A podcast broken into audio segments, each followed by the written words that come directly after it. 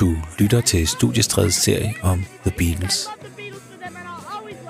I anledning af, at verdens mest berømte band, The Beatles, gik i opløsning for 50 år siden, gennemgår vi deres karriere i det år, hvor de indspillede musik fra 1963 til 1969.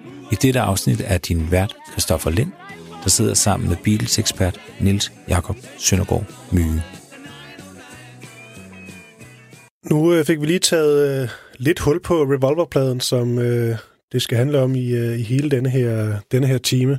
Og det var med en meget Paul McCartneysk sag, Eleanor Rigby, dog med en, øh, en måske, synes du i hvert fald, øh, lidt bedre tekst, end øh, man øh, normalt vi ser fra, fra, fra Paulson. Jeg synes, det er den første tekst øh, fra Paul McCartneys hånd, som for alvor øh, vrider sig fri af den her kærlighedsskabelon, han har skrevet efter. Øhm, John Lennon begynder her i midten af 60'erne at skrive mere personligt. Øh, og på samme måde begynder Paul McCartney at øh, udvikle sin lyrik øh, til også at øh, omfatte andet end, end kærlighedsforhold. Og øh, Eleanor Rigby synes jeg er en meget, meget smuk beskrivelse af, af øh, underklassen. Mm. Ensomhed. Og så herfra går vi til en, øh, en virkelig John Lennon-agtig John Lennon-sang, der hedder øh, I'm Only Sleeping, hvor han også begynder at lege med det her lidt psykedeliske, ikke at man skal bruge det ord altid, men i hvert fald det her, det her drømmende. Han er også meget interesseret i, øh, i drømme, er det i, faktisk i hele sin, øh, øh hele sin karriere. Og, øh, og tekstplan, det synes jeg egentlig, vi kan bare komme ind på, efter vi har, vi har hørt nummeret. Jeg vil lige, før jeg spiller det, vil jeg lige spille en lille bid fra, øhm, fra Anthology, hvor man hører en instrumentaludgave. Det er bare 40 sekunder, øh, hvor, de, øh, ja, hvor de øver sig. Og det er sådan, fordi det er sjovt at høre nogle af de her, de her numre, hvordan de egentlig kunne have taget sig ud, og hvordan ja. det så ender med at tage sig ud, fordi det her er altså en, en ret så anderledes øh, sang. Det er bare lige 40 små sekunder her.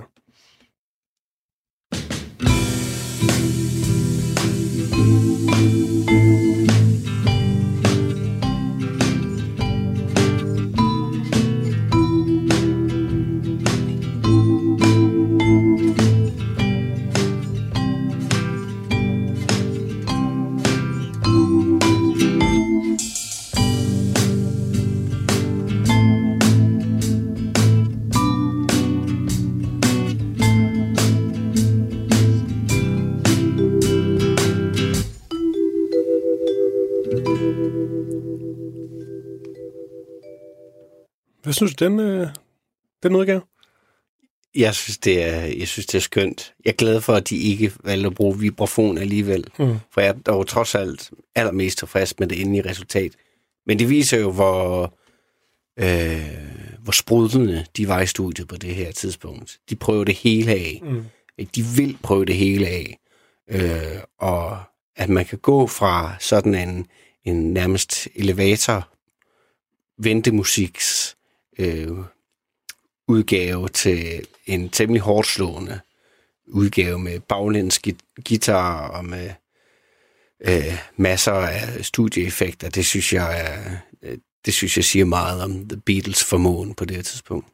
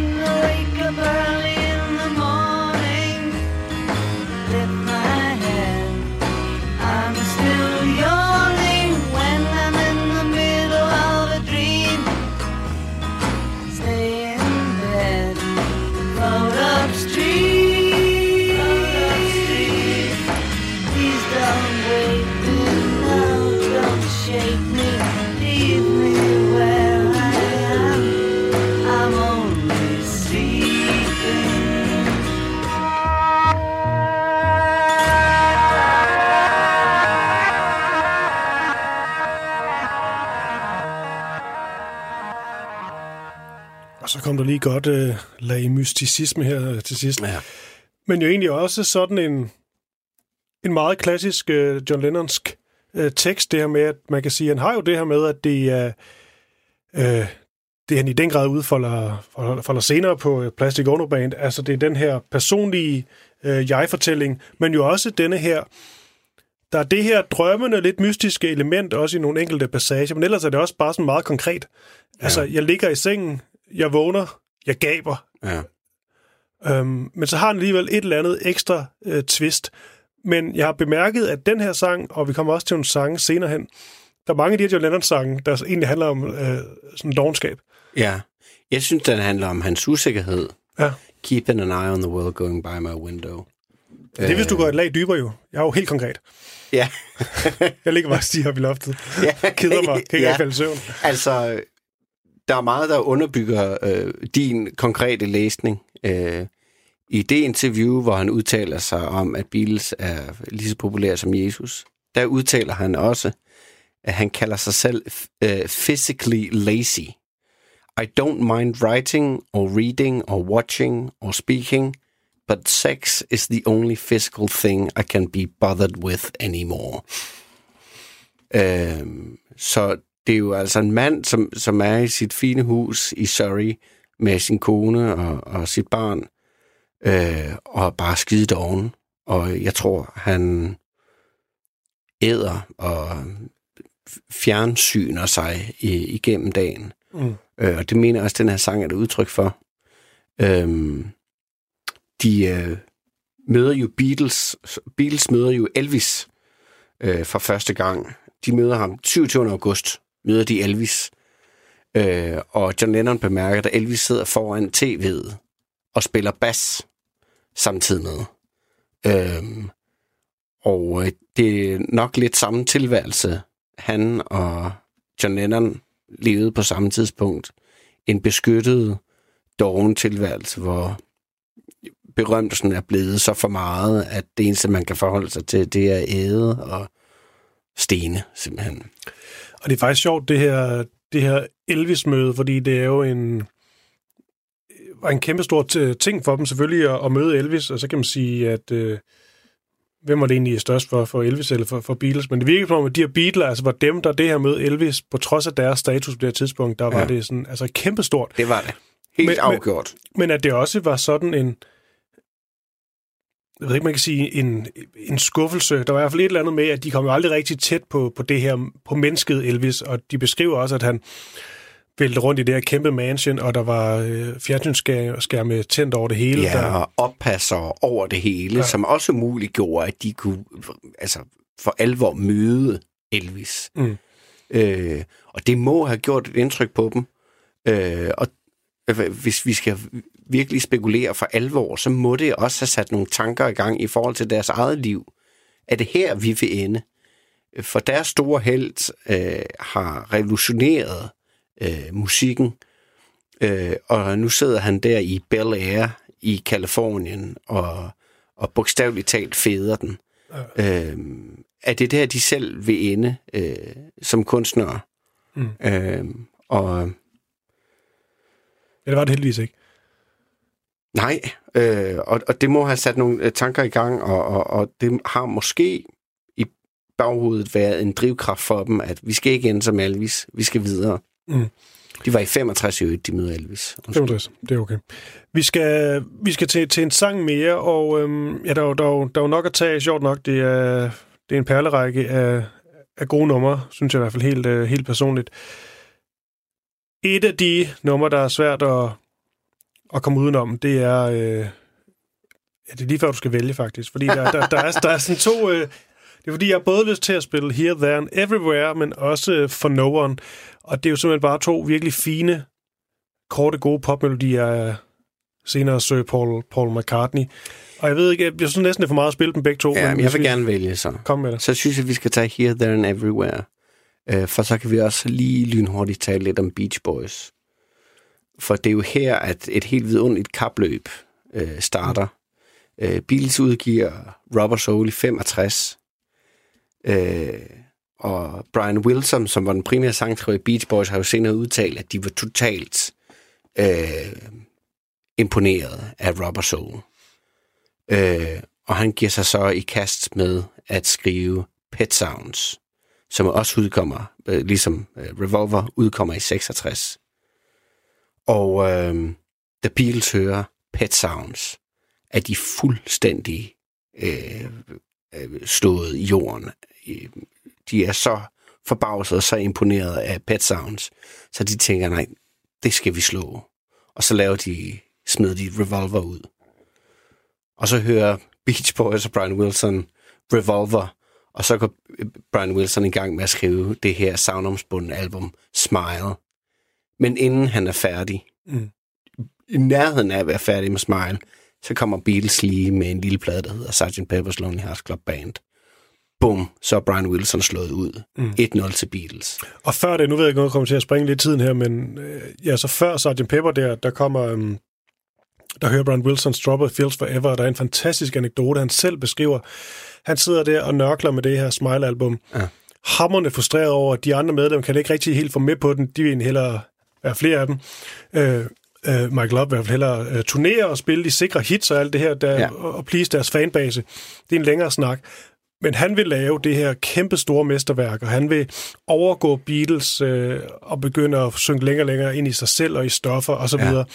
Og så beskriver han selv, at han kører en tur på et tidspunkt, og så hører han Strawberry Fields Forever i, i, i, i øh, sin bilradio, må det have været. Og der siger han simpelthen, at han bliver så, han er så imponeret, men bliver så slået ud, at han er nødt til at køre ind til siden, og så sidder han der, og så begynder han at græde. Ja. Og så siger han ligesom, det var alt det, jeg gerne ville, men de overhælder mig.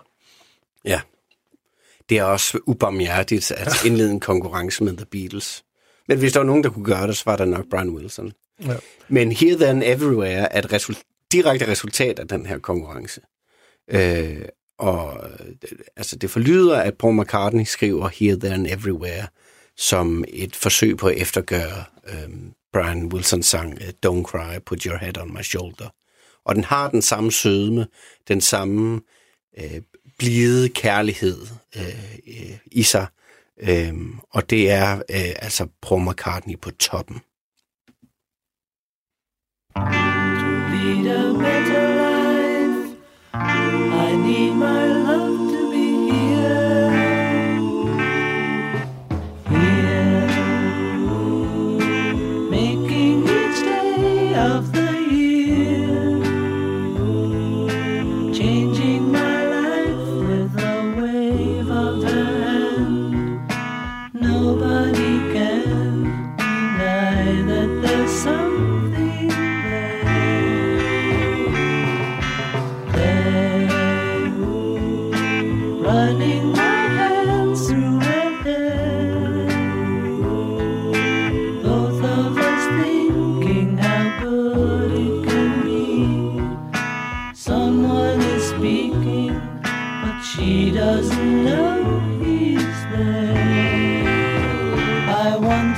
everywhere. And if she's beside me, I know I need never care.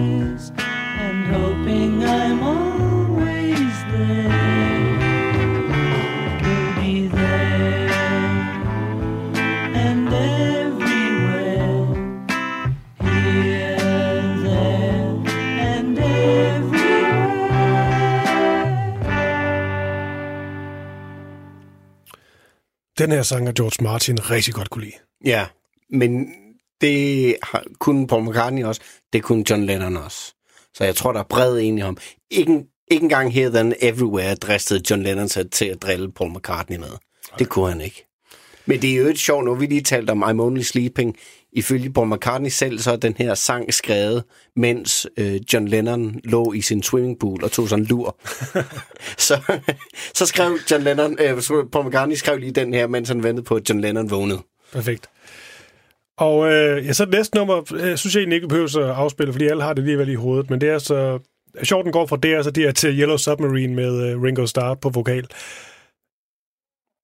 Vi kan måske lige runde den hurtigt alligevel.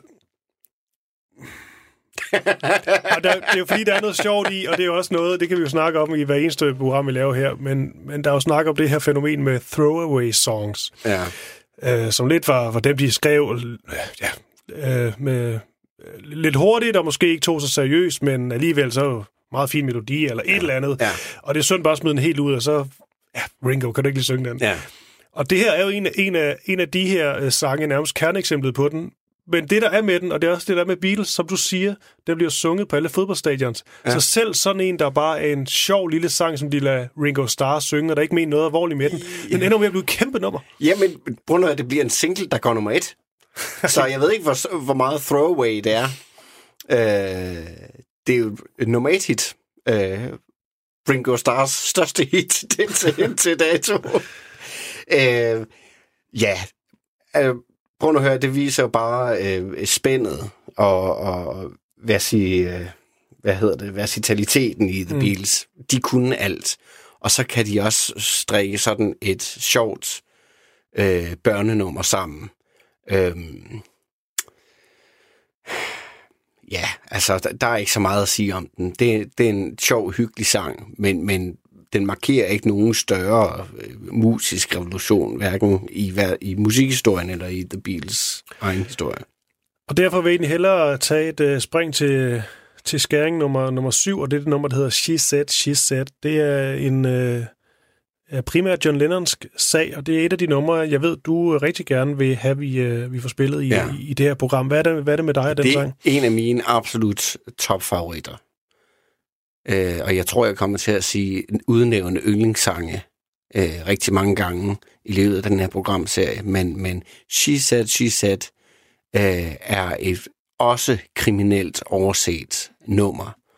Øh, I 1965, som jeg allerede har nævnt, der øh, prøver øh, The Beatles LSD for første gang, og den anden gang, det er sådan helt vildt, ikke? Men altså, den anden gang John Lennon prøver LSD, det er sammen med The Birds og Peter Fonda, som så giver ham cue'et til at skrive She Said, She Said, da han visker John Lennon i øret, I know what it's like to be dead.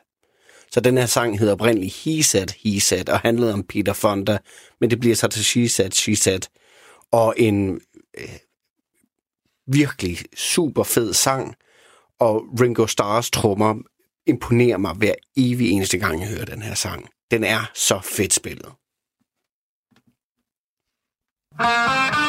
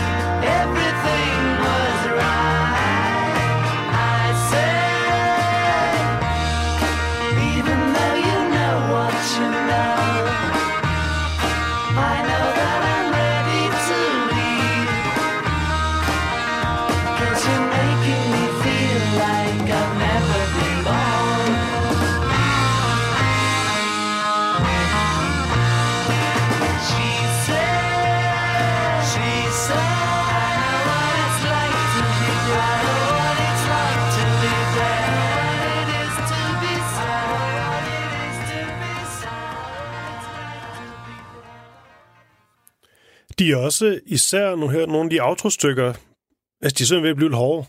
Ja. Der er simpelthen mere smæk på. Ja. Og, øh, og man sige, nogle af de tidlige år, der er det også rock og roll, men det er jo hele tiden, hvad kan man sige, ja, det er også svært, at man skal beskrive det, men hele tiden meget rart for øret.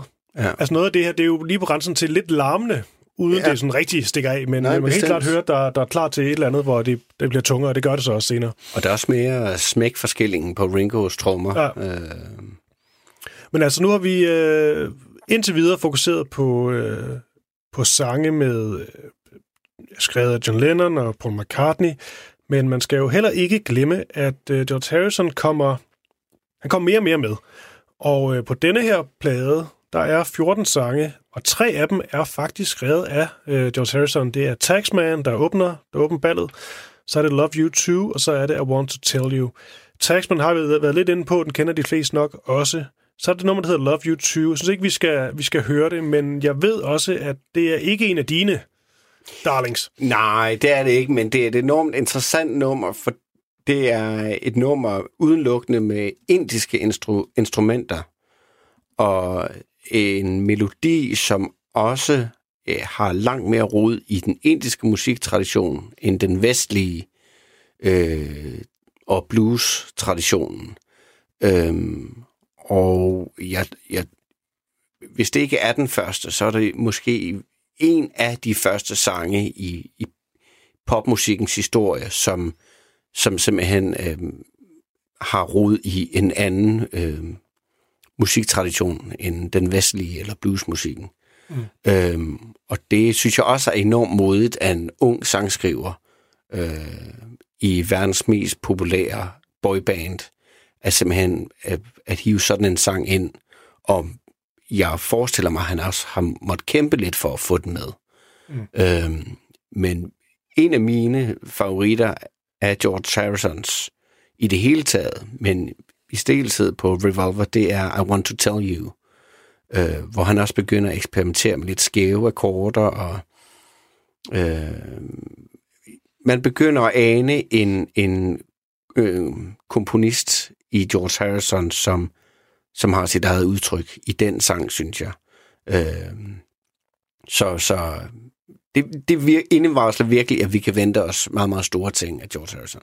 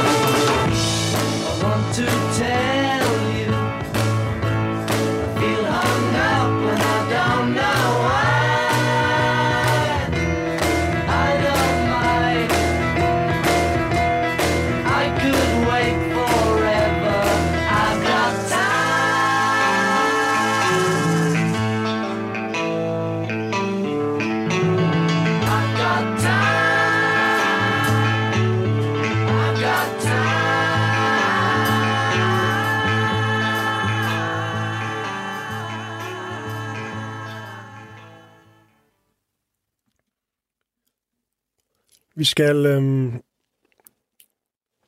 Ja. Jeg ved, jeg...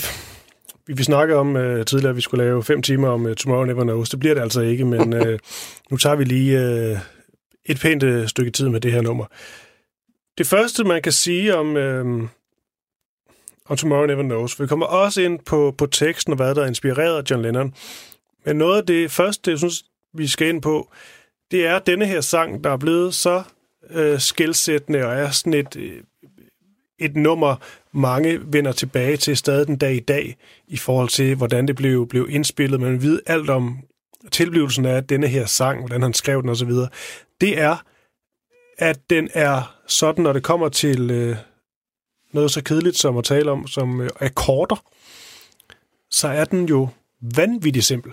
Der er en akkord i den her sang, og det er C. Så er det ikke eneste skift, vel? Nej, Nu ser jeg nærmest ikke. Det er jo Alle- ikke det eneste. alle kan spille med. Nej, øh, og så er vi tilbage ved det indiske, ja. øh, med, med, med, med drone-melodien, øh, der svæver over en akkord, en grundtone. Øh, det er jo det, John Lennon leger med her. Jeg synes faktisk, før vi, øh, før vi taler mere om den, så hører vi lige en bid af sangen. Vi hører det hele til, til sidst, men bare lige så, hvis man lige, lige har dem, hvordan Tomorrow Never Knows øh, lyder, så lad os bare lige høre lidt, og så kan vi... Øh, øh, så kan du begynde at nørde løs bagefter.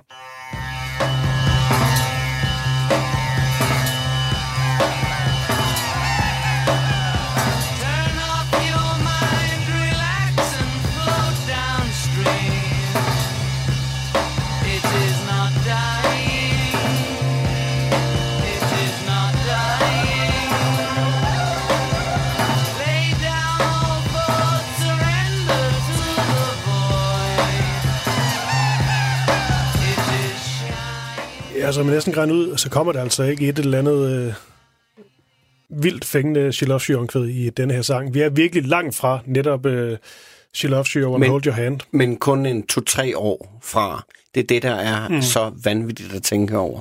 Vi er kun to-tre år fra Loves You. Hvor skal vi starte med, med, med det her nummer? Vi skal, vel, vi skal vel begynde på enten der, hvor John Lennon skriver den, eller bare til øh, studiet, hvor de begynder at, at indspille det her skidt, fordi det må have taget mere end en dag. ja, men øh, det, de, ligger, de to begivenheder ligger meget tæt op ad hinanden.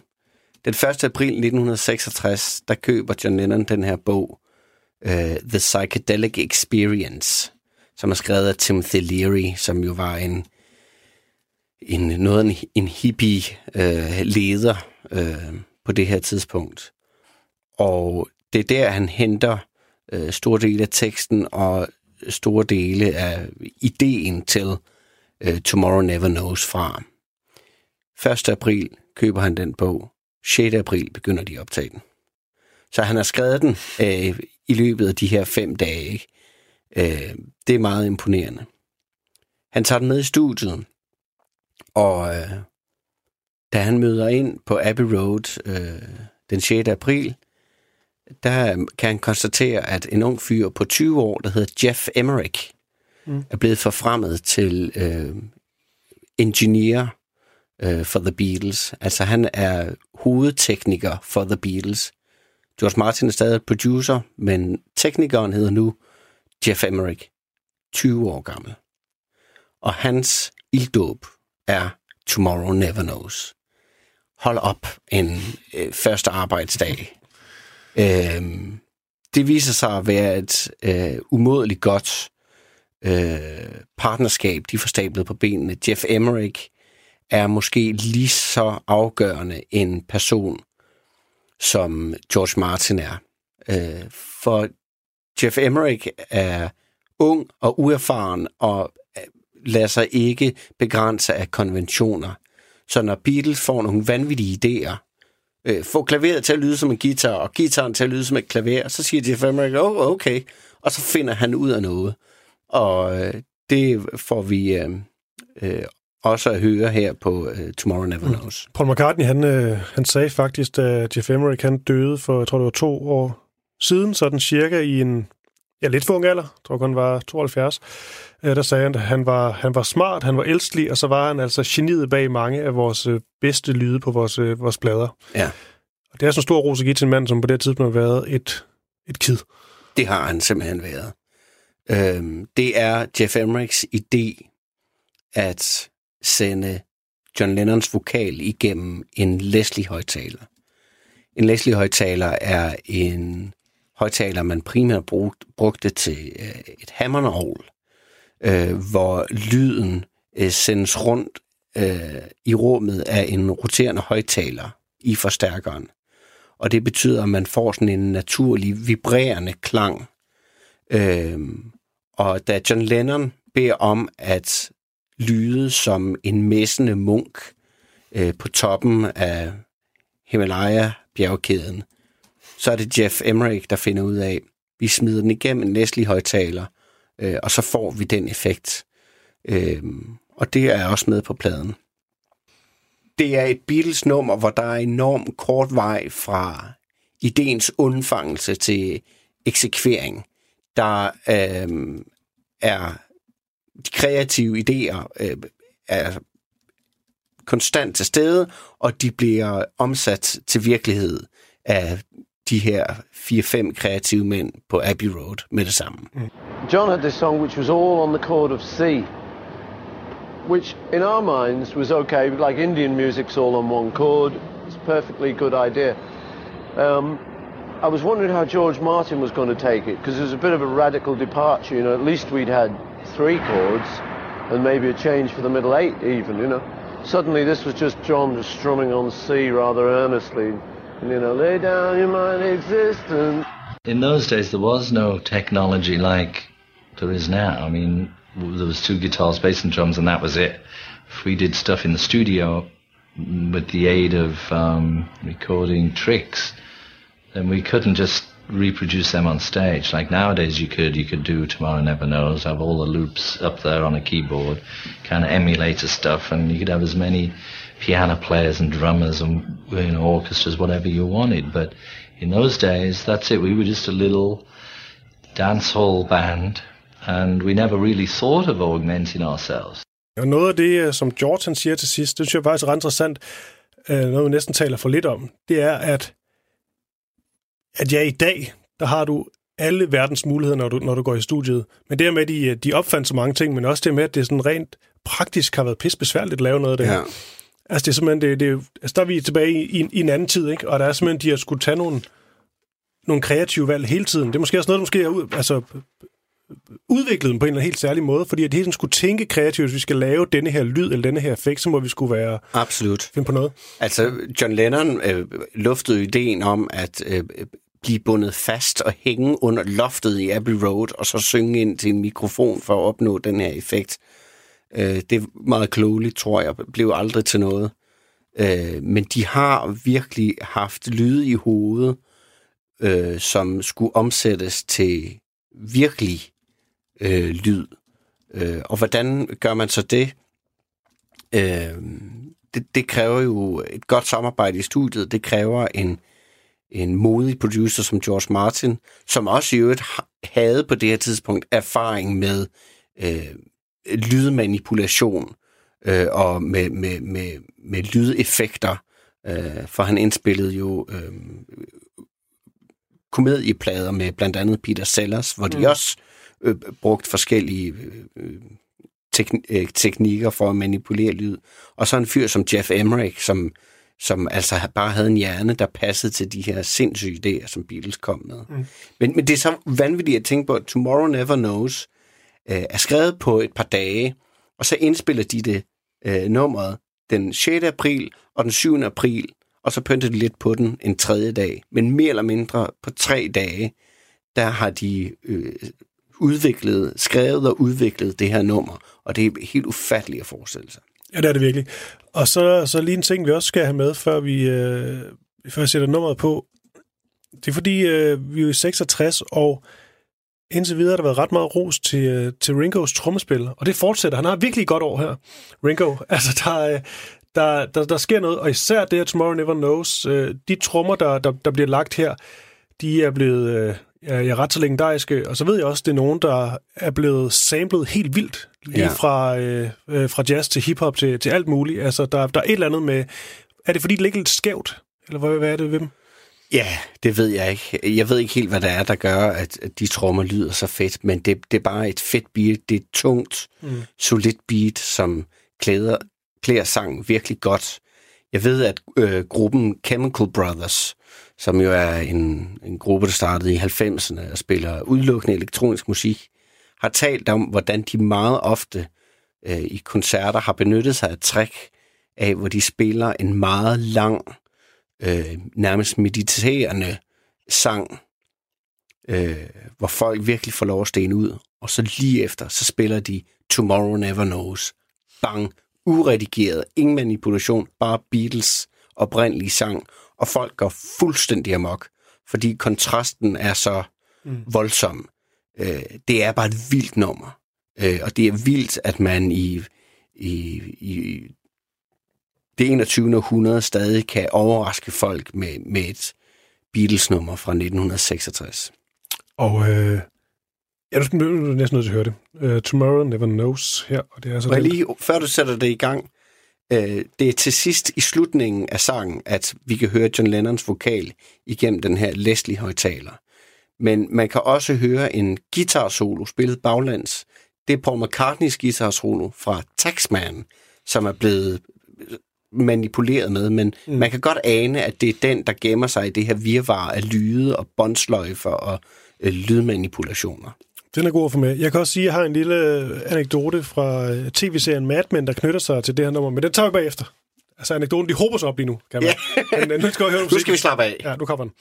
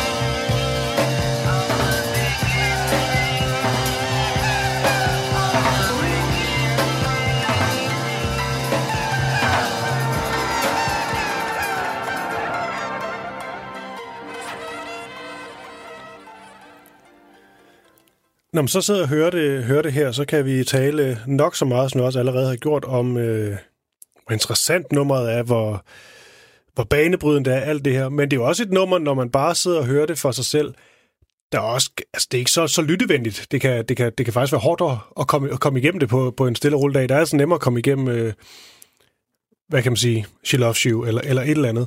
Ja. Og den del øh, skal man heller ikke helt øh, underkende øh, betydningen af, altså hvor fremmedgørende det har også været for mange, også for måske tidligere Beatles-fans. Og øh, et godt eksempel på det, det er en den tv-serie, som jeg gerne vil nævne, der hedder, der hedder Mad Men. Det er en mand ved navn Matthew Weiner, der, øh, øh, der står bag den.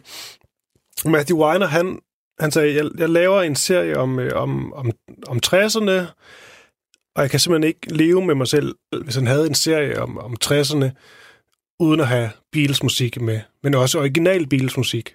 Ja. Og sådan noget, det er hamrende dyrt. Ja. Så han betalte 250.000 dollars Ja. for at få rettighed til at spille den her sang i de der 3,5 minutter til, øh, til Mad Men. Jeg mener, det er den dyreste licensiering i... Så vidt jeg kan læse, så er ja. den dyreste. Ja. Øh, og fedt, han gjorde det, men helt, helt vanvittigt øh, beløb. Det, jeg synes, at han gør ret klogt, Matthew Weiner i Mad Men her, det er, at han ikke bare i en vælger From Me to You eller et eller andet øh, mere let håndgribeligt, at han netop tager det her nummer øh, og køber fri. Og det gør han ved, at øh, historien er kort fortalt, at øh, reklamemanden Don Draper her, han er ved at falde lidt af på den. Han var før det store geni, men nu er nu buller 60'erne ud af ungdomsoprøret, alt det her. Det er en ny tid, og han er begyndt lige pludselig at føle sig som en dinosaur, fordi han forstår ikke de unge. Mm. Og en reklamemand, der ikke forstår de unge, han er rimelig lost. Ja. Så har han fået en ung kone, som så siger, giver ham Revolver-albummet og siger, lyt til det her. Så begynder du, så kan du måske forstå de unge mennesker lidt bedre. Så går han hjem der, sætter sig med sin whisky og ligner ind fra den gamle skole. Og så i stedet for at starte med Taxman, så vender han pladen om og, øh, og får den sat øh, på Tomorrow Never Knows, så han starter med, med at høre det sidste nummer. Ja. Og det smukke ved den scene der, så tænker man, okay, nu får en åbenbaring. Det her, det er så vildt, der sker et eller andet. Men nej, der går cirka 30 sekunder, så tager han den af. Ja. Han kan ikke holde det ud. Så går, så går skærmen i sort, og så hører man sådan noget. Men på en eller anden måde rammer det også meget godt, tror jeg. Han skal jo så på det her tidspunkt for, forestille sig at være 40 år gammel eller sådan noget. Ikke en gammel mand, øh, Don Draper her.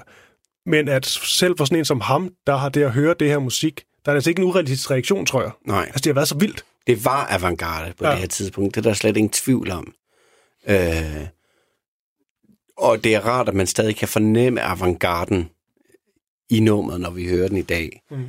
Vi kan godt høre, at det er banebrydende, det her. Vi kan godt høre, at der var aldrig blevet lavet noget som det her øh, før. Øhm, og, og det må have været et chok, dels for 40-årige mænd, der egentlig foretrækker at leve i 50'erne, da alting var meget bedre. Men det må også have været et chok for de øh, unge Beatles-fans, Mm. der har der er blevet forelsket i et band, der synger lette popmelodier om der er mig kærlighed. Og så kommer de med det her. Øh, hvad fanden er det for noget? Ja. Øh, det må have været et chok. Øh, og jeg vil, øh, jeg vil ønske, at John Lennon øh, kunne øh, have set Mad Men, fordi jeg tror, han ville have frydet sig over, at hans nummer Mm. fik, den reaktion, øh, fik skabt den reaktion Ja. hos folk. Vi kan nå to ting mere. Det ene, det er lige kort, lige runde øh, Yoko Ono, som træder ind i øh, John Lennons øh, liv. Det, det, det slutter vi med. Det er bare en kort, sjov lille anekdote, fordi hende kommer vi helt sikkert ind på alligevel senere.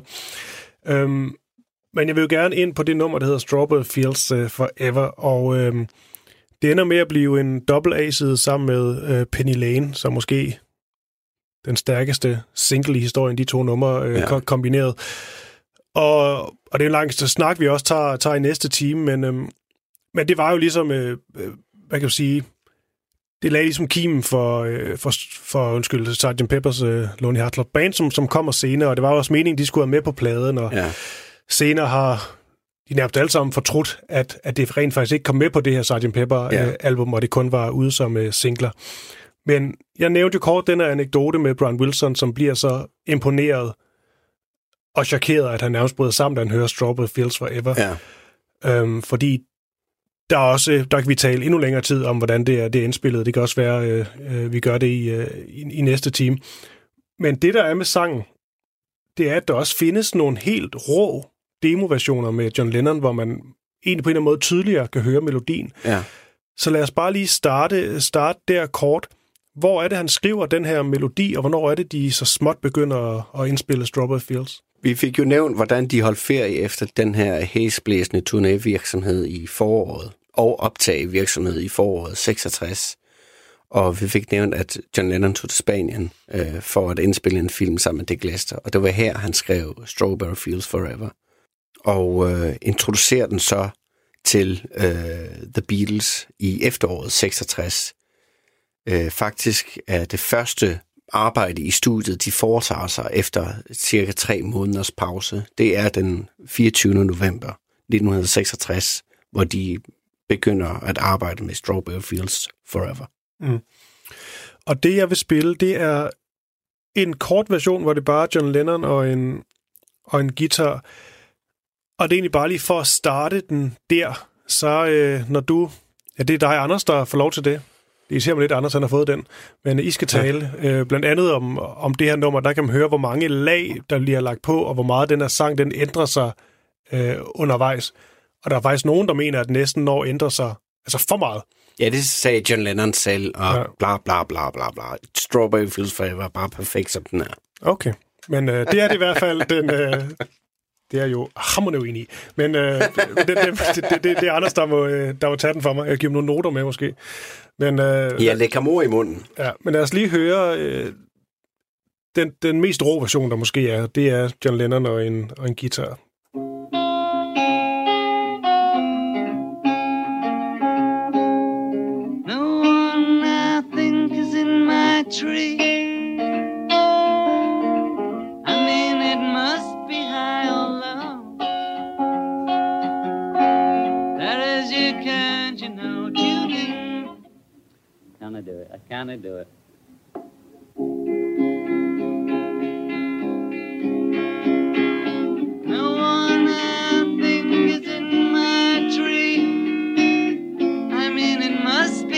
Or low.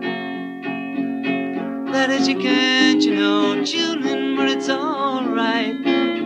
That is, I think it's not too bad.